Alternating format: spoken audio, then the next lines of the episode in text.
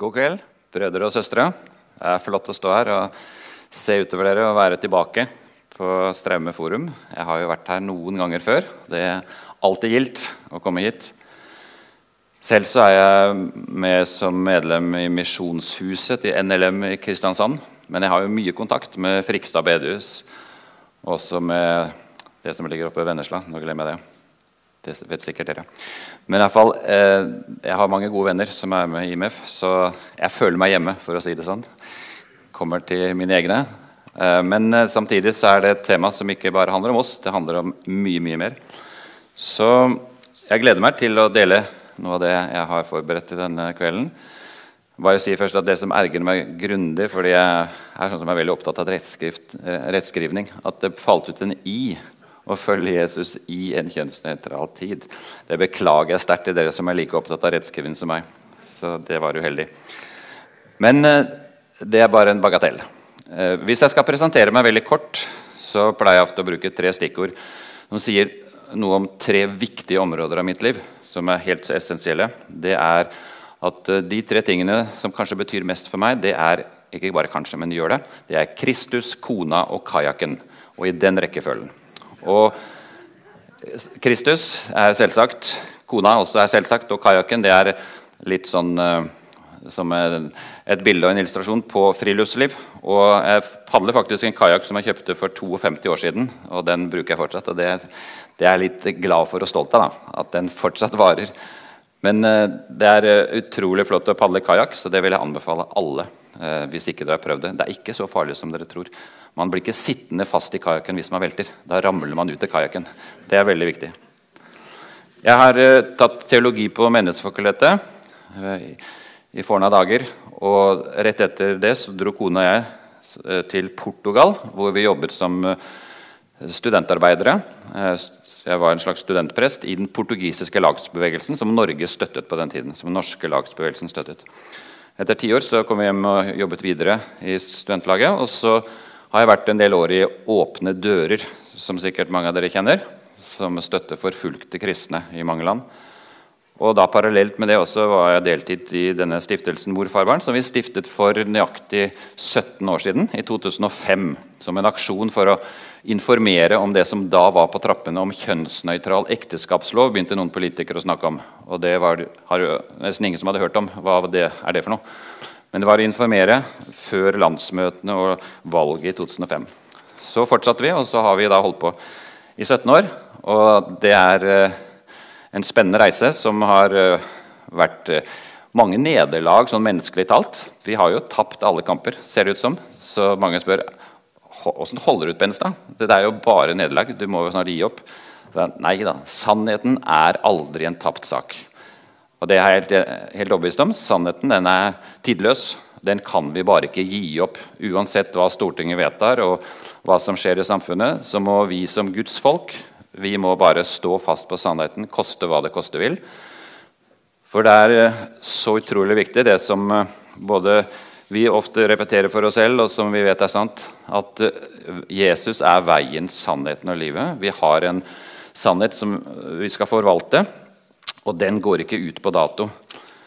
Og Dette synes jeg i hvert fall er et utrolig viktig og godt utgangspunkt og et startpunkt for det vi skal snakke om i dag. Det er dette som vi kommer til å komme tilbake til også innimellom, nemlig dette at uh, sannheten er helt grunnleggende. Og jeg for min del, og det gjelder sikkert mange av dere også, kanskje alle, håper det egentlig, det er jo at vi er ikke kristne fordi det lønner seg, fordi det er behagelig, fordi det, det som er det som man bør gjøre. Nei, jeg, håper dere er kristne fordi vi tror det er sant. Hvis ikke eh, den kristne tro var sann, så hadde i hvert fall jeg forlatt den. Hvis det bare var sånn sjeleterapi og at det var ikke noe egentlig. Nei, vi tror Jesus snakker sant, og at Guds ord er sannhet.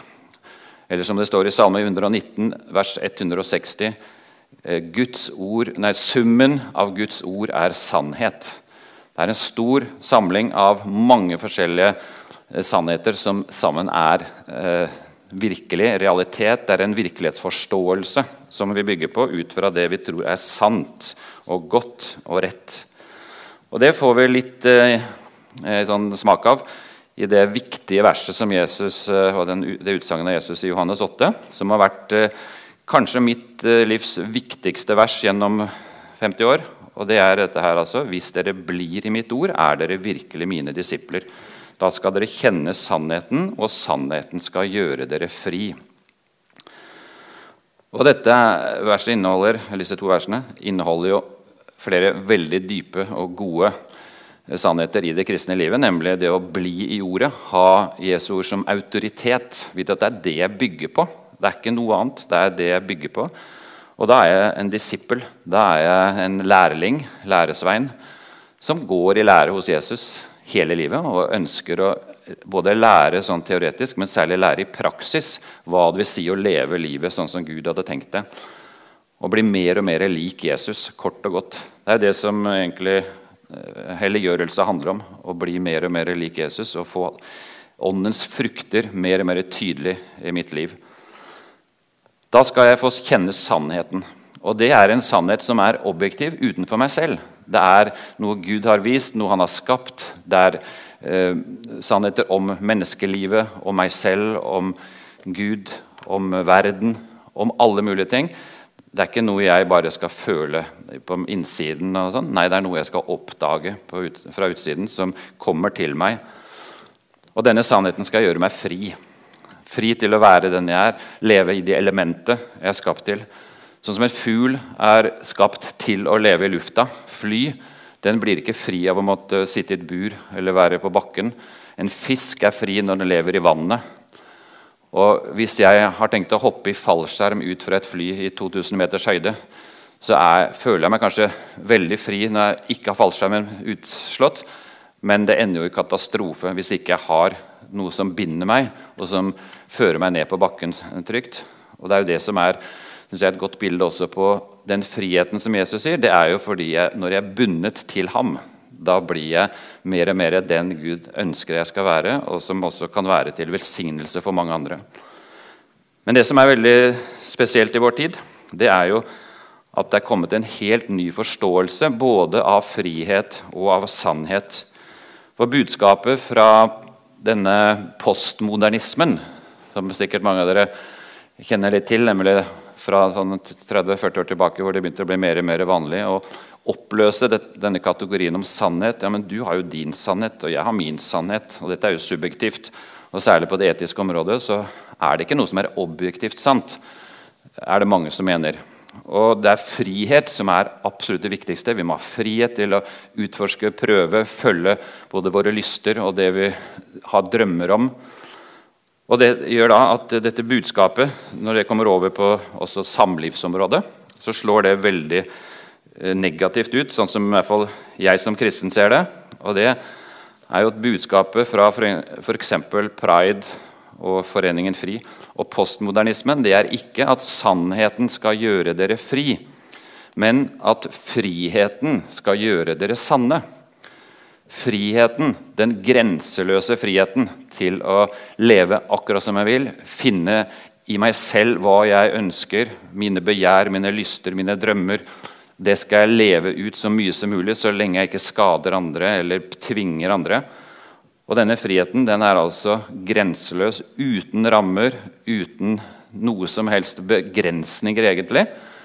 Og Det finner man jo veldig greit ut hvis man bare også leser den politiske plattformen, f.eks. For til Foreningen FRI, om at alle seksuelle relasjoner, alle seksuelle handlinger, alle seksuelle uttrykk er positive og likestilte. Hvis det, ikke, ja, hvis det er frivillig og mellom likeverdige mennesker og ikke noen tvinges. Så denne friheten den skal gjøre meg sann og finne mitt sanne jeg, sånn som jeg egentlig er. sånn som jeg ønsker å være. Og da må vi drive, drive med normkritikk, som blir et ord som blir mer og mer vanlig nå, både i skolevesenet og i lærerutdanninger og andre typer utdanninger. Vi må drive normkritikk, demontere det som er tradisjoner, som er bud og regler fra kristendom, som er eh, sedvane fra gamle dager. Nei, vi må tenke helt nytt, for vi må kritisere alt det fra tidligere tider og så se vi bygge, hvordan vi skal bygge opp det nye mennesket. Og Dette synes jeg illustreres ganske godt i noe som en uh, høyesterettsdommer i USA, Anthony Kennedy, sa allerede for 30 år siden. som en sånn uh, postmodernistisk tanke og utsagn fra ham. Han har vært uh, høyesterettsdommer helt til nå nylig, og han det, sa det for 30 år siden. At the heart of liberty is the right to define one's own concept of existence, of meaning, of the universe and of the mystery of human life. Eller på norsk I hjertet, eller i sentrum av friheten, ligger retten til å definere sin egen forståelse av virkeligheten, av mening, av universet og av menneskelivets mysterium. Altså Hele tilværelsen er vi fri til å tolke og bestemme hvordan vi vil leve, helt subjektivt. Jeg har rett i mitt liv, ingen andre har rett til å bestemme meg. Og da trekke inn Gud eller Jesus eller Guds ord, det er helt, helt uaktuelt. For det er min frihet som betyr noe min grenseløse frihet til å leve akkurat sånn som jeg vil. Og Når dette blir mer og mer en, en måte å tenke på rundt oss, og ikke minst blant barn og ungdom, hvor de blir fòret med denne type tenkning Ikke sikkert det brukes disse ordene, men det er det som er som, uh, ideologien. At frihet til å være deg selv, til å være akkurat den du vil være, den er egentlig helt absolutt. Og Da har vi kommet til eh, tre normer som jeg synes er, da, eh, som er et resultat av denne tenkningen som blir angrepet, og som nå står under veldig sterkt press, og som er hovedord i fiendebildet kan du si, som Foreningen FRI og mange sympatisører langt inn i departementene og i alle mulige etater, eh, statlige etater, ikke minst i Bufdir, Barne-, ungdoms- og familiedirektoratet, som jo samarbeider intimt Ser det ut til, i hvert fall, eh, for de bruker samme språk. og de, det, du leser på Bufdir, kan nesten vært tatt rett ut av Foreningen FRIs politiske plattform. en del av det. Og Det er tre stikkord som er foraktet, og som virkelig blir bekjempet av de som er eh, veldig for denne nye måten å tenke ikke bare samlivet, men hele menneskelivet på. Og Det første det er heteronormen. Mor-far-barn-relasjon er unik. Den er Guds design for familien. Vil jeg forsvare heteronormen med? Den er unik og helt grunnleggende for menneskelivet og helt grunnleggende for alle sivilisasjoner. Nemlig at det er mann og kvinne. Det er en kjønnspolaritet. Det er noe som Gud har lagt ned i skaperverket. Og Hvis vi opphever den og sier at den er bare en normalvariant blant mange dusinvis av andre typer samliv og typer seksualitet, Ok, da, da, nivellerer vi alt ned på samme nivå, og det er det som skjer. Ingenting er unikt, ingenting er norm, ingenting er ideal. Alt er det samme, alt er like bra. Og det kan ikke vi som kristne eh, godta og stå for. Og Derfor så er vi på kollisjonskurs både når det heteronormen og tokjønnsnormen. Det finnes kun to kjønn, to typer kjønnsceller. Det er kvinnelige og mannlige. Det finnes ikke andre måter å reprodusere seg på, og kan, nye mennesker blir født. Det er faktisk eh, en mann og en kvinne som er nødvendig, og det er to kjønn. Alt annet er følelser, diagnoser, drømmer, ønsker, eh, indre opplevelser av hva jeg vil være. Denne totale friheten som jo ytrer seg på mange forskjellige måter.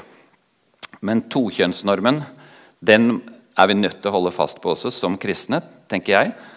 Både heteronormen og tokjønnsnormen er grunnleggende, på samme måte som vi også må holde fast på noe som også Foreningen FRI og andre eh, som er på den linja, mener også er forkastelig å holde fast på fordi det jo ikke åpner for mangfoldet, nemlig parnormen. Rammen for ekteskap og seksuelle relasjoner er to personer, sier parnormen. Polygami og polyamorøse forhold strider med Guds design for seksualitet og samliv. Vi fikk jo en ny organisasjon i Norge i 2016 som heter Poli Norge.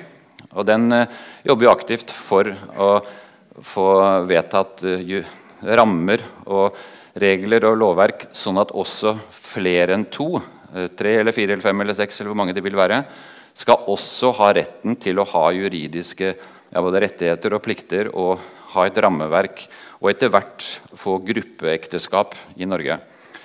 Hvor lang tid det vil ta, det er ikke så lett å si før de lykkes med det. Men de har i hvert fall god støtte i Foreningen FRI, som mener at det er jo en selvsagt del også av mangfoldet.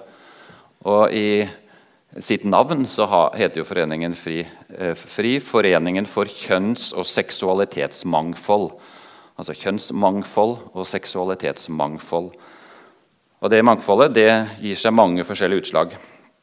Bl.a. også i dette som eh, jo, vi er klar over etter hvert, at det finnes eh, mange kjønnsidentiteter. Altså hva folk opplever seg som, og hvordan de vil definere seg. Jeg bruker ofte det eksempelet på at i England, hvis du blir, ønsker å bli bruker av Facebook og skal skrive inn profilen din, hvem du er, hva du heter, kanskje et bilde osv. Og så skal du krysse av på male eller female, altså mann eller kvinne. Eller du kan klikke på 'others', og så kommer det opp en liste med 69 forskjellige kjønnsidentiteter. Og Da har vi altså 71 valgmuligheter for hvordan jeg vil definere meg når det gjelder seksualitet og kjønn og opplevelsen av hvem jeg er.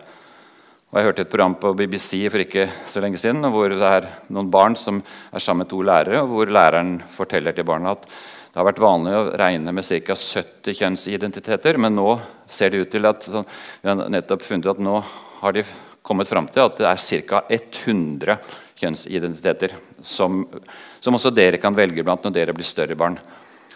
Så her er det jo et uh, anarki, etter mine begreper. For friheten, som er, det, er grunnlaget, og som er idealet, som ingen skal hindre meg i å kunne leve ut, det grunnlaget det vil, vil, jo føre til, og denne friheten vil jo føre til masse kaos i mange menneskers liv, og ikke minst de ressurssterke. Nei, unnskyld, de ressurssvake. De svake som kanskje ikke har, de menneskene rundt seg som blir forført og lurt inn i relasjoner og i mange forskjellige ting fordi andre utnytter dem uten at de er klar over det. Det kan godt være det er frivillig, men at det er ting som skjer med dem som ikke de egentlig var forberedt på. Og dette er eh, så alvorlig tenker jeg, for hele ungdomskulturen og for oppveksten til kommende generasjoner, eller bare de som nå vokser opp. Og I alt dette så er det klart at eh, vi som kristne vi er kalt til å være disipler. Vi er kalt til å være, ja, som Paulus sier i 1. Timoteus brev, sannhetens støtte og grunnvoll.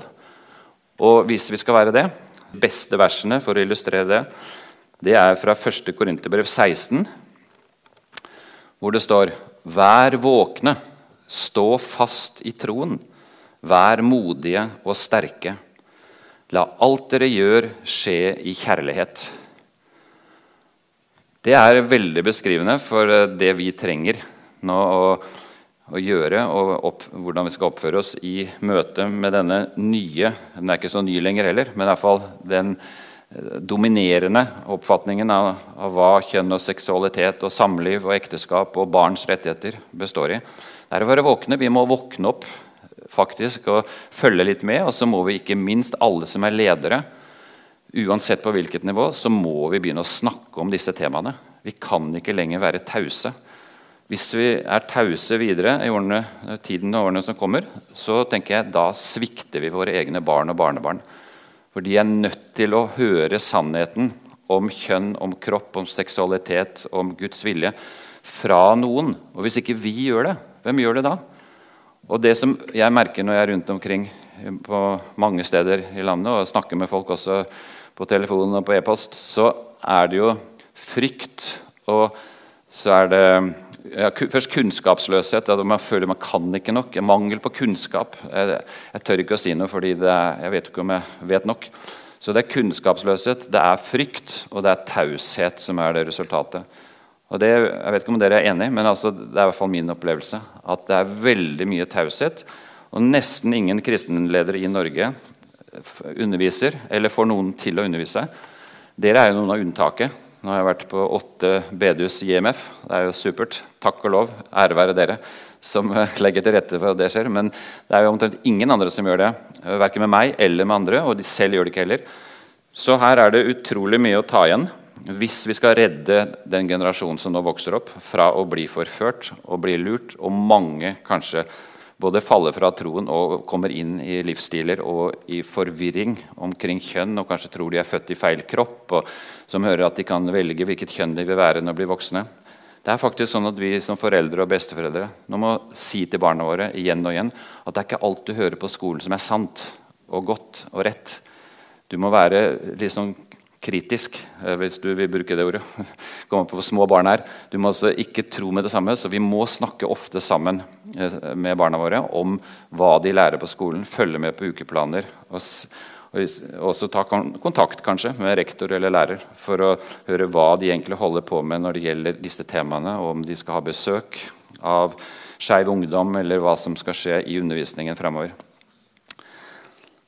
Det er jo veldig tragisk, egentlig, at uh, nå er det ikke lenger Foreningen FRI og Rosa kompetanse og sånt, som er kanskje hovedutfordringen. Nei, nå er jo av, Mye av det tankegodset det er jo nå kommet inn i læreplanene som er blitt vedtatt i 2020. Og lærebøkene kom nå i høst flere, i flere fag, uh, og de fortsetter å komme ut nå. Og Aschehougs læreverk, som eh, ser ut til å gå veldig grundig til verks til å innføre disse tankene og, og om kjønnsmangfold, om å være født i feil kropp og diverse, uten at de ordene kanskje er brukt, så legges det til rette for at dette nå kan undervises. fordi læreplanene følges da, av disse lærebokforfatterne, hvor man skal snakke og diskutere helt ned i i, ung alder om forskjellige måter å leve på. At det finnes mange kjønnsvarianter, og det finnes kjønnsidentiteter osv. Og jeg vil anbefale en ute på ressursbordet som jeg har med masse forskjellig gratis materiell, så ligger det en artikkel av Eivind Gjerde, som sikkert mange av dere har lest i Dagen i september i fjor. Men den er akkurat like aktuell og vil være det i mange år framover. Hvor han beskriver hvordan undervisningen nå blir lagt opp i de lærebøkene som Aschehoug har gitt ut i flere fag. Og den er en skikkelig øyeåpner. Så hvis ikke du har spart den, kanskje du har lest den, men ta med deg den her så du har den og kan kopiere den opp og gi den til andre. Og Det ligger også to små A5-ark ved siden av dette arket ute på bordet med lærer, en lærerveiledning for lærere i 5.-7. klasse om hvordan de skal undervise disse tingene. Og Det er helt sånn relativistisk. Og det andre det er et eleveksempel, hvor de skal en sånn elevoppgave hvor konservative kristne blir svartmalt og framstilt som nærmest onde mennesker. Så ta med dere gjerne det, sånn at dere blir oppdatert på hva som nå skjer med lærebøker som våre egne barn og barnebarn kanskje skal bruke. Så dette er eh, så grunnleggende viktig, tenker jeg, at eh, vi ikke lenger kan forestille oss at det foregår der ute. Vi, det er ikke så nøye for oss, for vi, det er ikke noe vi kommer i befatning med. Jo, nå gjør vi det til de, til de grader gjennom våre egne barn og barnebarn. Og så er det det at, eh, som det står i dette verset, at la alt dere gjør, skje i kjærlighet. Og Det er noe jeg kommer til å understreke flere ganger. i løpet av denne kvelden også, at Hvis vi skal nå fram med det vi har på hjertet, og det vi tror på, så kan vi ikke bruke sterke ord, anklager, ting som oppleves som fordømmelse av andre, hvis vi ønsker å nå fram. Vi må gjøre som dette verset sier. La det skje i kjærlighet, med varme, med vennlighet. Og vi vil andres beste, selv om de lever helt annerledes enn oss. Så vil vi vise nåde og sannhet som Jesus kom med. I Johannes 1 så husker dere sikkert Eh, de fleste av dere, at det står om at Jesus kom med nåde og sannhet, og at han er full av nåde og sannhet. Og Da tenker jeg også at rekkefølgen eh, muligens her spiller en rolle. At Vi skal først vise nåde, først bygge relasjoner, først eh, få en tillit til hverandre hvis det er nye mennesker, og også hvis det er i slekta eller folk vi kjenner godt. Vise mye nåde, strekke oss langt for å beholde en god relasjon, samtidig som vi står krystallklart og klippefast Eh, på sannheten. Det er ikke snakk om å oppgi den, men vi må være veldig viselige med å, å vise en holdning som speiler det at vi ønsker dem vel, at ikke vi fordømmer dem selv om de har valgt og ønsker å leve helt annerledes enn oss og det vi tror er bibelsk rett. Så må vi ha begge sporene, både nåde og sannhet. Som et tog på som kjører på to skinner. Hvis toget kjører i 120 km i timen, og plutselig er noe av den ene togskinnen borte, full katastrofe. Et fly eller fugler, to vinger, og hvis én vinge blir borte, rett i bakken. Ny katastrofe. Og Det er på den måten også jeg tenker. Både nåde og sannhet. Begge deler er nødvendig. Og Som Paulus sier i Efeserne kapittel 4, vers 14 og 15, som jo også er et veldig kjent sitat, det som står her med rød skrift, men som står i en veldig interessant sammenheng. For der står det vi skal ikke lenger være umyndige småbarn. Ikke la oss kaste hit og dit og drive omkring ved hvert eneste vindpust av ny lære, så vi blir et bytte for menneskers falske spill og listige, forførende knep. Men vi skal være tro mot sannheten i kjærlighet, og i ett og alt vokse opp til ham som er hodet Kristus. Midt i all den eh, vranglæren og alle de rare tingene som skjedde på Paulus' tid, ved hvert eneste vindpust som man snakker om her, av ny lære som stadig dukket opp, og vi kan bli bytte for menneskers falske spill og listig forførende knep, hersketeknikker, maktspråk, eh, mye manipulering med ord og begreper. Midt i dette, som også han opplevde, så sier han altså vi skal være tro mot sannheten i kjærlighet. I den kampen han kjempet eh, for å bevare den rette og gode læren om hvem Jesus er, så er vi kalt til det samme. Gjøre også det, Forsvare det vi tror på, men i kjærlighet. Jeg vet ikke hvor mye dere har tenkt på dette som skjer nå, at det er en revolusjon. At det er en eh, kamp om sannheten som eh, det er lenge siden vi i Norge har kjempet på den måten som nå, og vi kristne.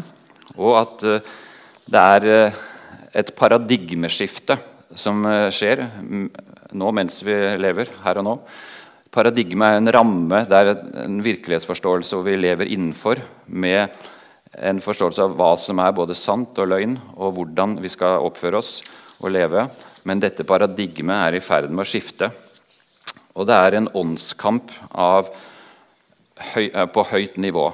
Eh, hvis ikke vi har oppfattet at det er en åndskamp, så tror jeg vi må, må virkelig be om å få, få, det klart. For her er det dype åndelige sannheter om Guds skaperverk som står på spill.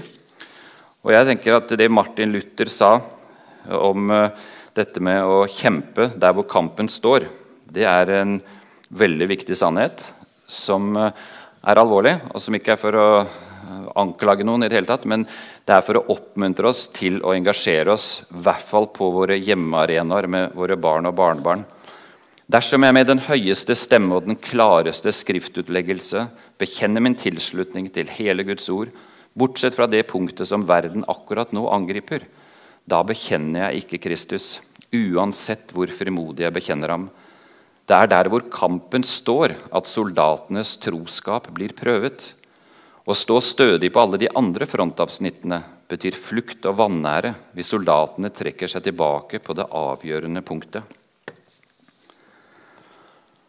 Det er, er der hvor kampen står, at soldatenes troskap blir prøvet. Det er det veldig mye sannhet i, tror jeg. Og vi må ikke eh, hvile og, og sove og utsette og bare tenke at dette går kanskje over. Eh, hvis vi vil våre barns og barnebarns beste. Det er i hvert fall mitt budskap. Eh, du behøver ikke å bli en aktivist, du behøver ikke å stå på noen talerstol, du behøver ikke å være, tenke at dette er noe av det aller viktigste i mitt liv. På ingen måte. Men det må være et viktig element i, tenker jeg, i det vi som kristne nå i årene framover opptar oss med det viktigste er å vinne mennesker for Jesus. det er ikke tvil om det. Men vi trenger også å bevare og vinne og beskytte våre barn og barnebarn. Og hjelpe dem til å stå fast og til å skjønne hva Gud vil med deres liv. Og da, da må vi faktisk gjøre en egeninnsats eh, for å lykkes i det. For den kunnskapen vi trenger, den må vi selv skaffe. Vi får den ikke bare sånn ned i hodet mens vi sover. Vi må faktisk jobbe litt med det. Og Da vil jeg foreslå som et veldig realistisk eh, prosjekt, nemlig å sette seg et mål. At eh, Du må bestemme selv selvfølgelig hvor mye, men f.eks. én time i uka så skal jeg lese eh, en bok eller artikler. Jeg skal bruke ressurser som ligger på nettet. Jeg skal vise dere etterpå gode ressurser som alle kan bruke helt gratis. Og så kanskje har et som mål også jeg skal begynne å eller kanskje danne en gruppe med to-tre venner hvor vi kan gå gjennom noe av det materiellet, snakke om det. Vi skal gjøre det sammen, en eller to eller tre andre. Så blir det også mer framdrift enn at du stadig kanskje bare utsetter, for det er stadig ting som kommer i veien. Så Dette er i hvert fall eh, noe som jeg vil eh, holde fram som en målsetting som både er realistisk og som kan bety veldig mye. og Du kan inspirere andre. Hvis du setter av f.eks. én time i uka, og bare bestemmer du en fast dag i uka hvor det vil passe best, og så begynner du, og så kanskje vil du øke, eller du modifiserer ettersom. Men vi må handle nå. For hvis ikke vi handler, så er det for seint. Det er allerede veldig seint, og kanskje for seint på en del felt, men for å få gjort noe nå på kort sikt. Men hvis mange begynner å våkne, så tror jeg faktisk på mellomlang sikt og på lengre sikt så kan mye skje. Og det som er interessant også er at Vi har mange samarbeidspartnere som også ikke er kristne. For det er stadig flere som våkner. Og det er jo nå ateister og det er leger og biologer og andre som begynner å våkne på at det som skjer nå med kjønnsforståelsen, og det som barn blir utsatt for nå i barnehage og skole, det er ikke til barns beste. Det er ikke i tråd med barns rettigheter. Så hvis vi skal gjøre noe som virkelig betyr noe for våre barn og barnevern, så bør du be over denne tematikken om hvordan du skal gå fram, og hvilke mål du ønsker å sette deg. Dette mangfoldet og denne type ideologi som vi er vitne til nå rundt oss, den kan jo presenteres på veldig mange måter. Men det som er eh, et eksempel, det er jo rosa kompetanse, som sikkert de fleste av dere har hørt om, som altså Foreningen FRI har hatt som kurs mange, på mange forskjellige samfunnsarenaer. De har eh, rosa kompetanse skole, rosa kompetanse helse, rosa kompetanse juss, rosa kompetanse på, på, barnehage og enda noen flere områder. Og så har de laget ulike eh, program for det og undervisningsopplegg. Og et for eksempel, som eh, er for Rosa kompetanse skole, det er eh, f.eks. et hefte som har ligget på nettet lenge med lærerveiledning for lærere som skal undervise i kjønnsmangfold og seksualitet. Det er nå av en eller annen grunn. Eh, forrige uke tatt ned. Nå finner man ikke det lenger på Foreningen Fris nettsider. Eh, men det har vært der i flere år, faktisk. Men jeg tror dette foreldreoppropet som eh, sirkulerer nå, som kanskje en del av dere har oppfattet Jeg skal nevne litt detaljer om det etterpå. Men det har jo fått en ganske stor oppmerksomhet og oppslutning. og Der siteres det fra Rosa kompetanse. og Det tror jeg de fant ganske ubekvemt. For der står det bl.a. noen setninger som vi skal se her. Dette er også sitt direkte sitat fra denne lærerveiledningen. Altså Læreren skal ha en, eller det er oppfordring, ha en kort innledning om kjønns- og seksualitetsmangfold. Oppmuntre elevene til at når de skal svare på spørsmål, kan de skrive 'de fleste jenter', 'de fleste gutter', for å unngå at elevene fremstiller svarene som at alle gutter f.eks. har penis. Bevisstgjør elevene på at kropp og kjønn er to forskjellige ting.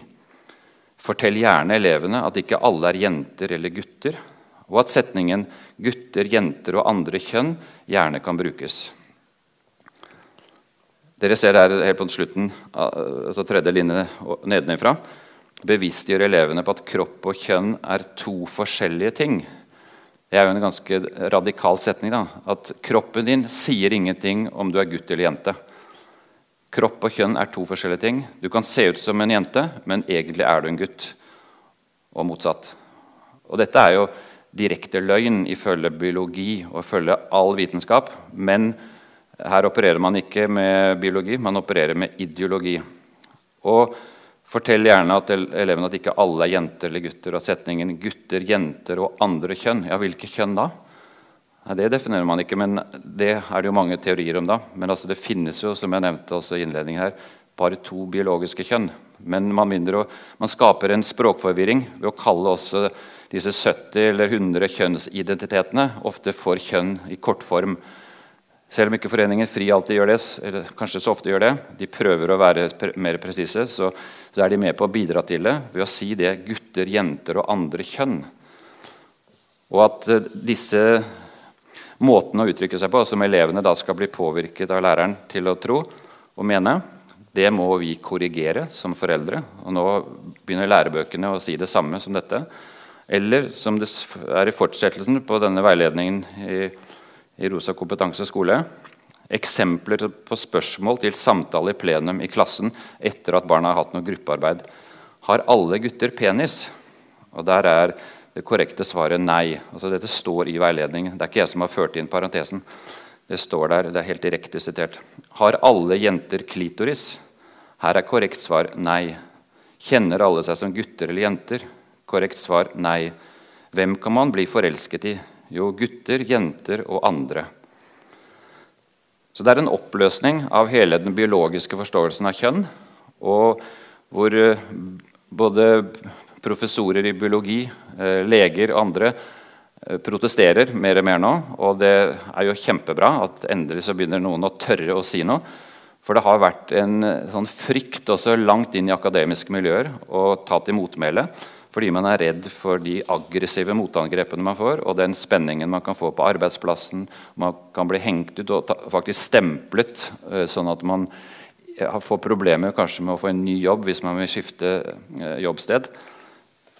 Og et eksempel på hvordan dette eh, formidles, det er jo han Espen Ester Pirelli Benestad.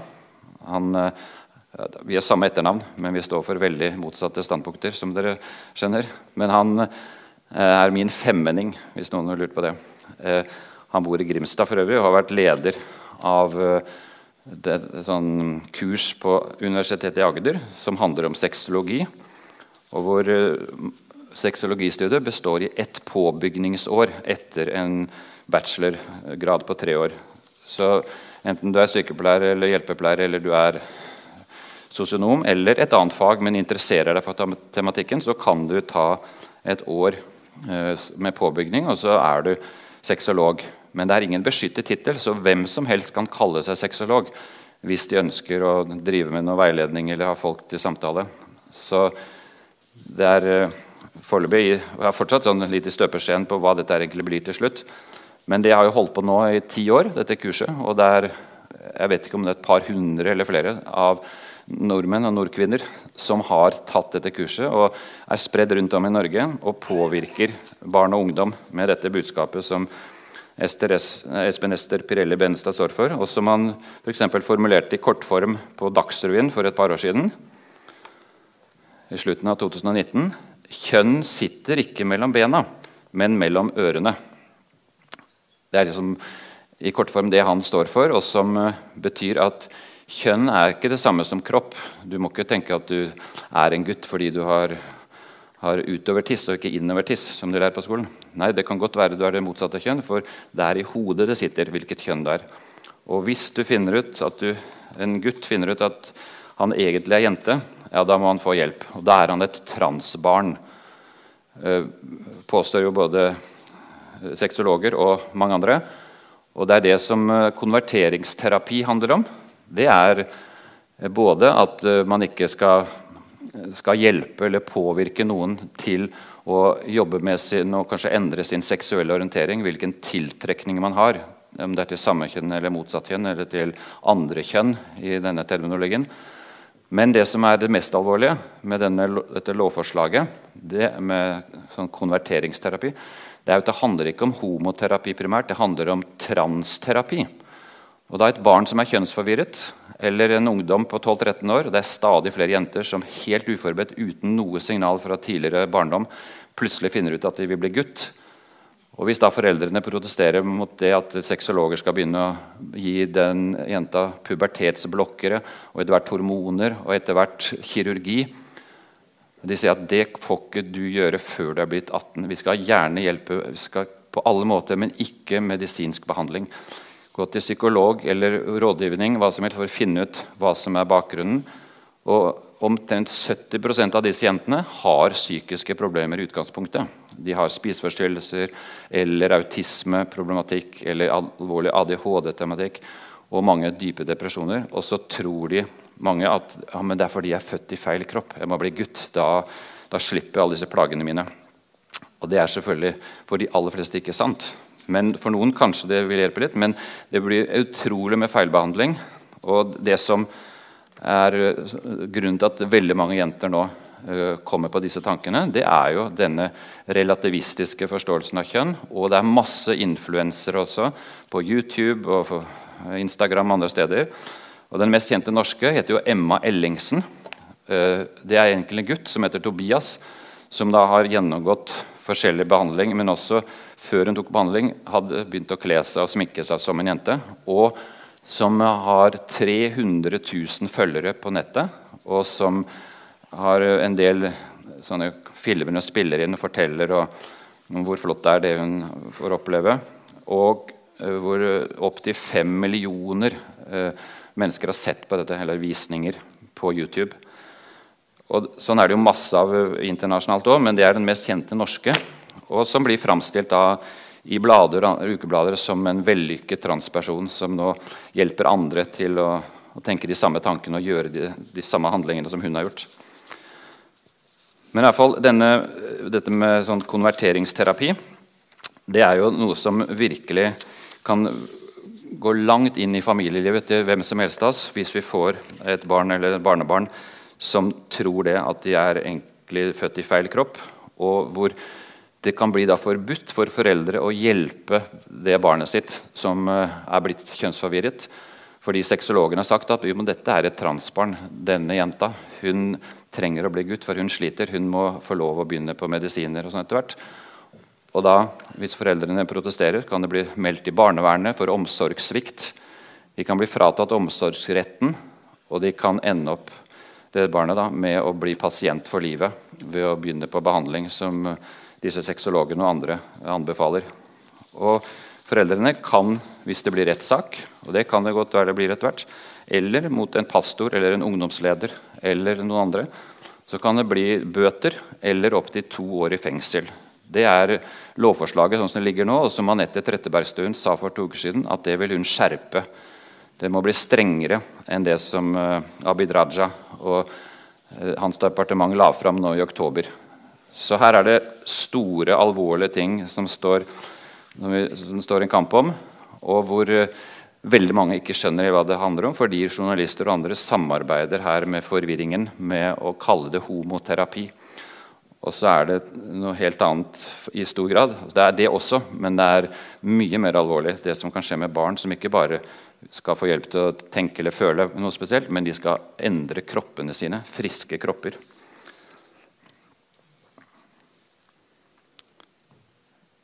Det som er helt grunnleggende for oss som eh, kristne, det er jo å møte våre medmennesker på en, en respektfull og en uh, vennlig måte.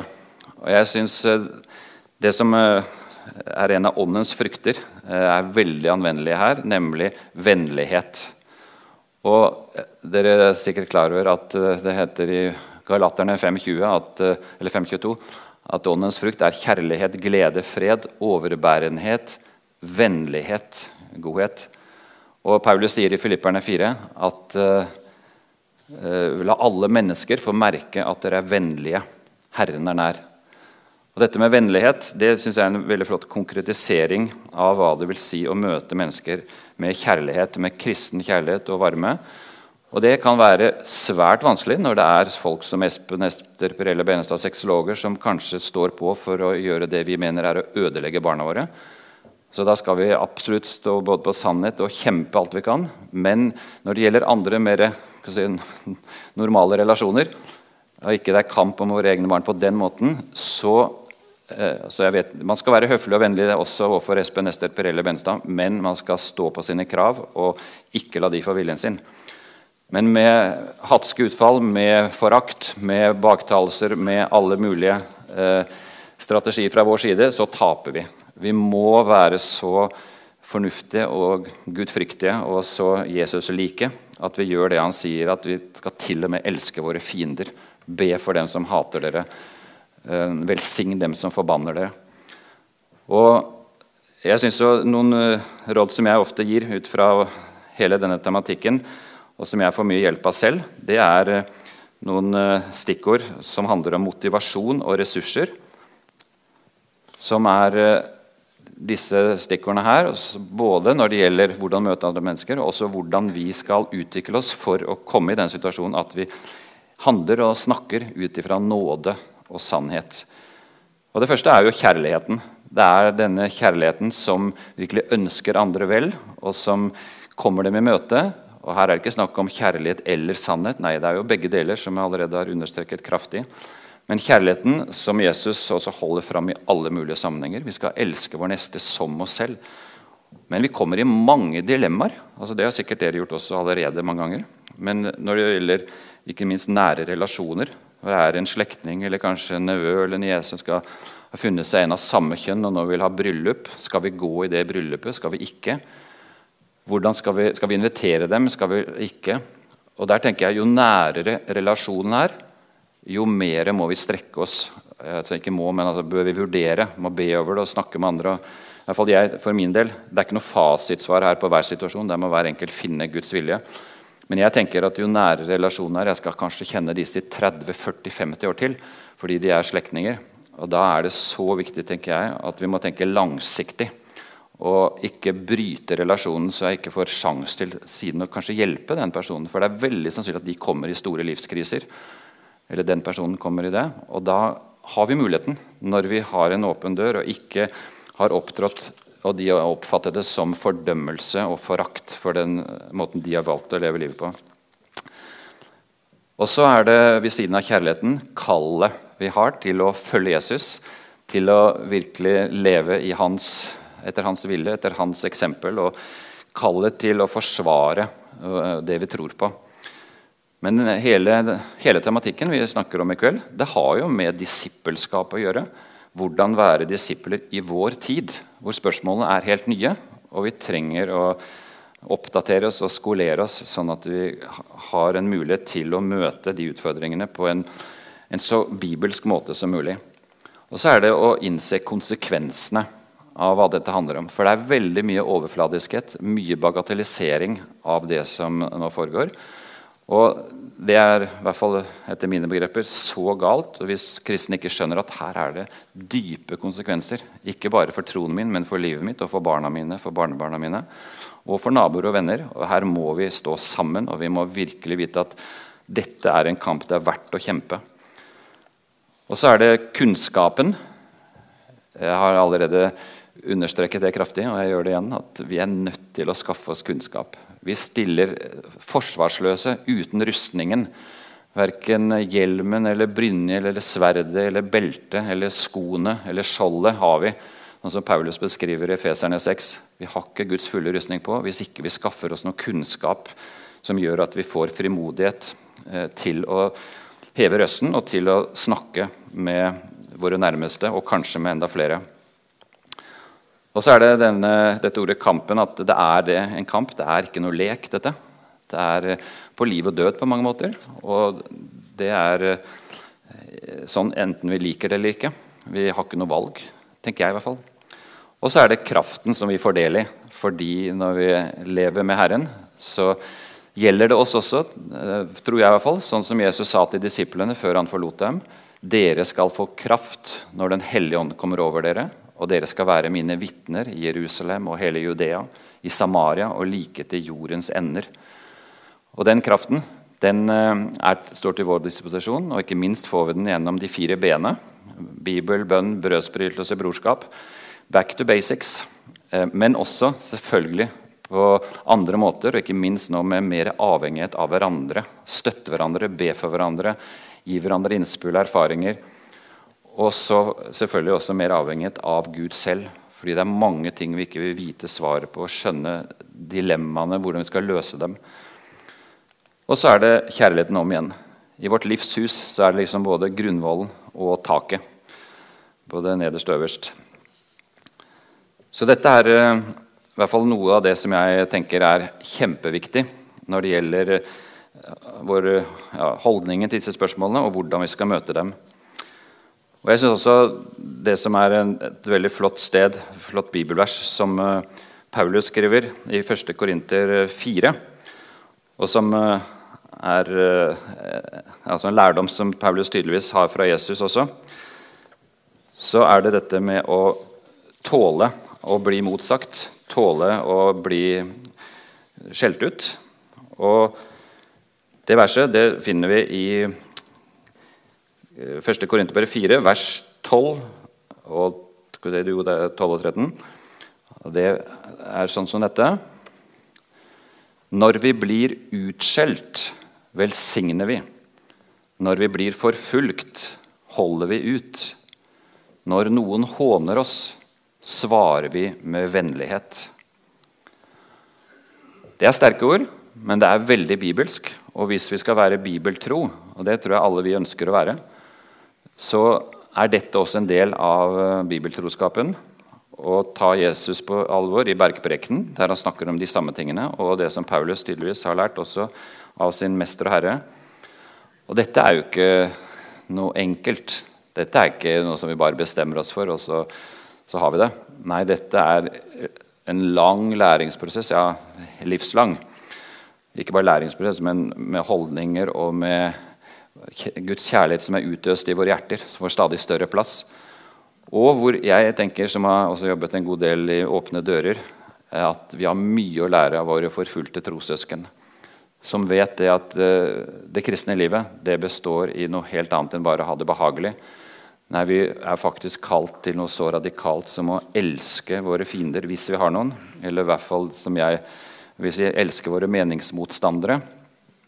Fordi det som jeg syns er en veldig trist utvikling, og ikke bare trist, men egentlig tragisk for hele samfunnsklimaet og debatten, og det gjelder ikke bare dette temaet, men det gjelder også andre temaer, det er jo at det blir vanskeligere og vanskeligere på en god del temaer, temaer å se på hverandre som meningsmotstandere. I stedet så blir det sånn at andre ser på sine meningsmotstandere som fiender. Og det er veldig forskjellig. Å se på noen som meningsmotstander hvor vi har forskjellige oppfatninger. Vi, har, vi, viser toleranse. Vi sier det at 'jeg er dypt enig med deg, men jeg respekterer at du står for noe annet'. Jeg vil forsvare din rett til å mene noe helt annet enn meg. Mens nå er det liksom at hvis du mener noe annet enn meg, eller hvis du mener at jeg tar feil, da er du fiende. Og det er jo helt ødeleggende for både debattklimaet, men også i, i møte med hverandre. Hvis ikke vi kan møtes som venner og meningsmotstandere. Nei, I stedet blir vi fiender. Og Der må vi som kristne syns jeg og tenker som et kall fra Herren, vise i praksis at det går fint an fortsatt å være meningsmotstander og ikke verken ta igjen eller bruke sånne ord som gjør at andre føler at vi er deres fiender. Så her er det dype åndelige sannheter som vi må bare be om jobbe med, hjelpe hverandre, kanskje irettesette hverandre av og til. Så hører at noen bruker altfor sterke ord eller noe som ikke kommuniserer i det hele tatt. Ikke bare tenke ja, det er den brorens, den søsterens problem. Nei, det er vårt problem. Vi må hjelpe hverandre. Og jeg tenker også det at eh, vi må virkelig ha dette som et bønneemne eh, stadig vekk. At å Gud, la mer og mer av din kjærlighet, av din raushet, av din tilgivelse prege oss. Ikke for å gå på akkord med sannheten i det hele tatt. Tvert imot, vi skal stå på sannheten. Og Det håper jeg dere skjønner at jeg mener. Eh, men vi må gjøre det eh, tro mot sannheten i kjærlighet.